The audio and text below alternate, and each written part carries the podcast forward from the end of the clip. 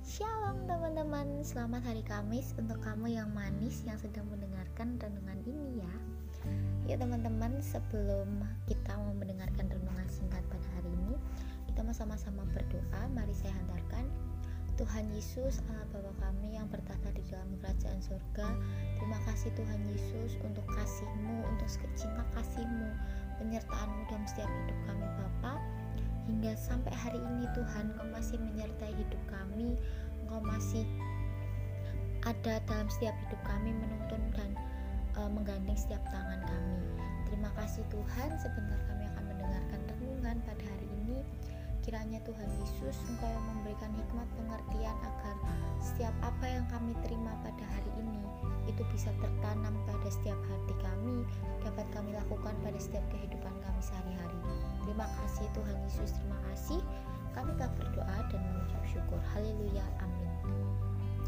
Jadi teman-teman, renungan kita pada hari ini itu dalam Markus pasal yang pertama ayat yang ke-16 sampai yang ke-20. Aku akan bacakan Judul perikopnya adalah Yesus memanggil murid-murid yang pertama. Ketika Tuhan Yesus sedang berjalan menyusur Danau Galilea, ia melihat Simon dan Andreas, saudara Simon. Mereka sedang menebarkan jala di danau sebab mereka penjala ikan. Yesus berkata kepada mereka, "Mari, ikutlah aku dan kamu akan kujadikan penjala manusia."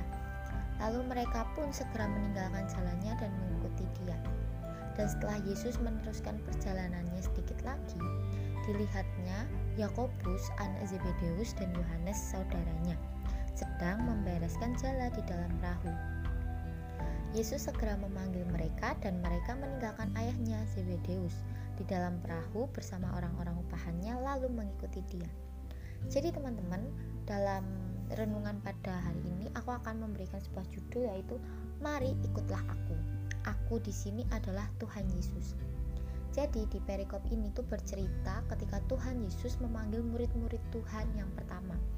Ada Simon Petrus, ada Andreas, ada Yakobus anak Zebedeus dan Yohanes saudaranya. Nah, di sini tuh kita mau belajar. Kita mau belajar untuk mengikut Tuhan. Ya. Dalam kekristenan ya, ketika kita menjadi seorang Kristen, orang yang percaya dengan Tuhan, mengikut Dia, mengikut Tuhan Yesus itu adalah kunci utama gitu kan. Kita nggak bisa menyebut diri kita itu Kristen, kita tidak bisa meng, apa ya, me, melabeli diri kita itu murid Tuhan kalau kita itu tidak mengikut Dia. Karena kunci utama, kunci utamanya adalah mengikut Tuhan Yesus seberapa jauh engkau melangkah bersama Tuhan mengikuti apa yang Tuhan mau dalam hidupmu? Lalu teman-teman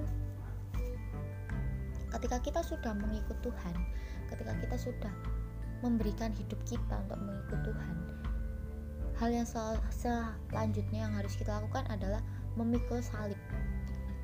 Kita nggak bisa ngomong aku mengikut Tuhan tapi kita nggak mau pikul salib yang namanya kita mengikut Tuhan Yesus pasti kita harus memikul salib.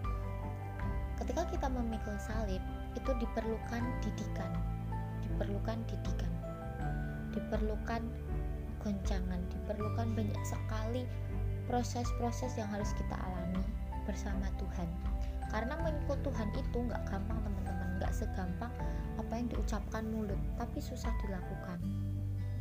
Makanya Tuhan itu mau setiap kita itu bisa melewati setiap prosesnya itu dengan dengan baik, dengan sukacita, dengan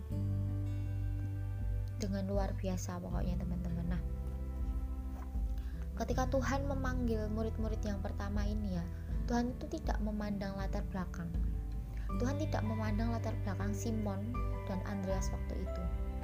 Karena apa? Karena secara manusia Simon dan Andreas itu adalah seorang penjala ikan, tapi Tuhan panggil, Tuhan panggil si Simon dan Andreas ini menjadi apa? Penjala manusia.